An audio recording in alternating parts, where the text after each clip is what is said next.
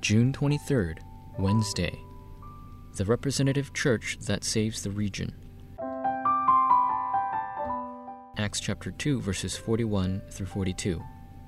Those who accepted his message were baptized, and about 3,000 were added to their number that day. They devoted themselves to the apostles' teaching and to the fellowship, to the breaking of bread and to prayer.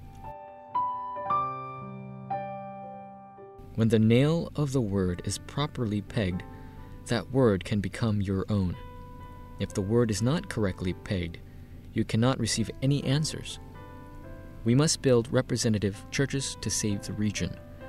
Starting from this moment, God's works arise. What is the reason the early church did not shake in the midst of those many hardships and were able to save the region and age? Number 1 Keys to the Kingdom of Heaven. According to the word Jesus gave Peter, we are the ones who possess the keys to the kingdom of heaven. These are the keys to answers to prayer. Children of God have the identity of receiving answers to anything if they pray in the name of Jesus Christ. All we need to do is believe in this fact and wait while praying. We must utilize these keys with assurance in the evangelism field.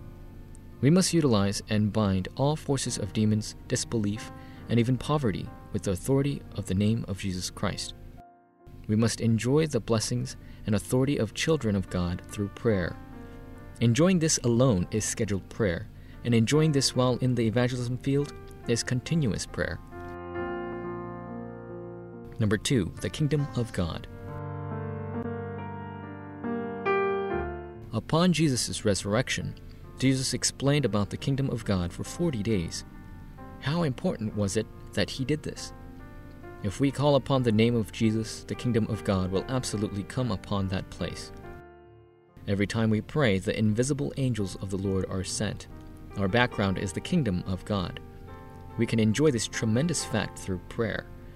In each and every field we are in, unfolding the word movement is establishing the kingdom of God in that place.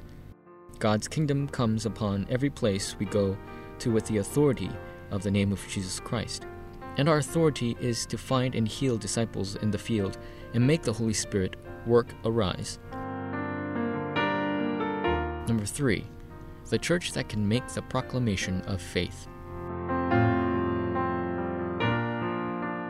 The church pulpit must receive blessings in order for the church and worship to be revived and believers and servants of the Lord end up gaining strength.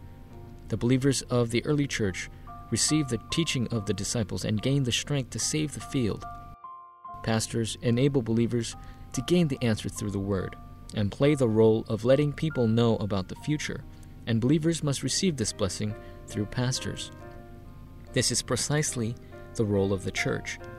Only then can the church save the field. The church lay leaders and lay people help the weak areas of the pastor, and the pastor must proceed with all work centered on the church lay leaders. Starting from this moment, we can see the evidences of the kingdom of God coming upon the church and field. Forum topic Pray so that the church I serve and the churches that will do true evangelism can become representative churches that save the region with the gospel.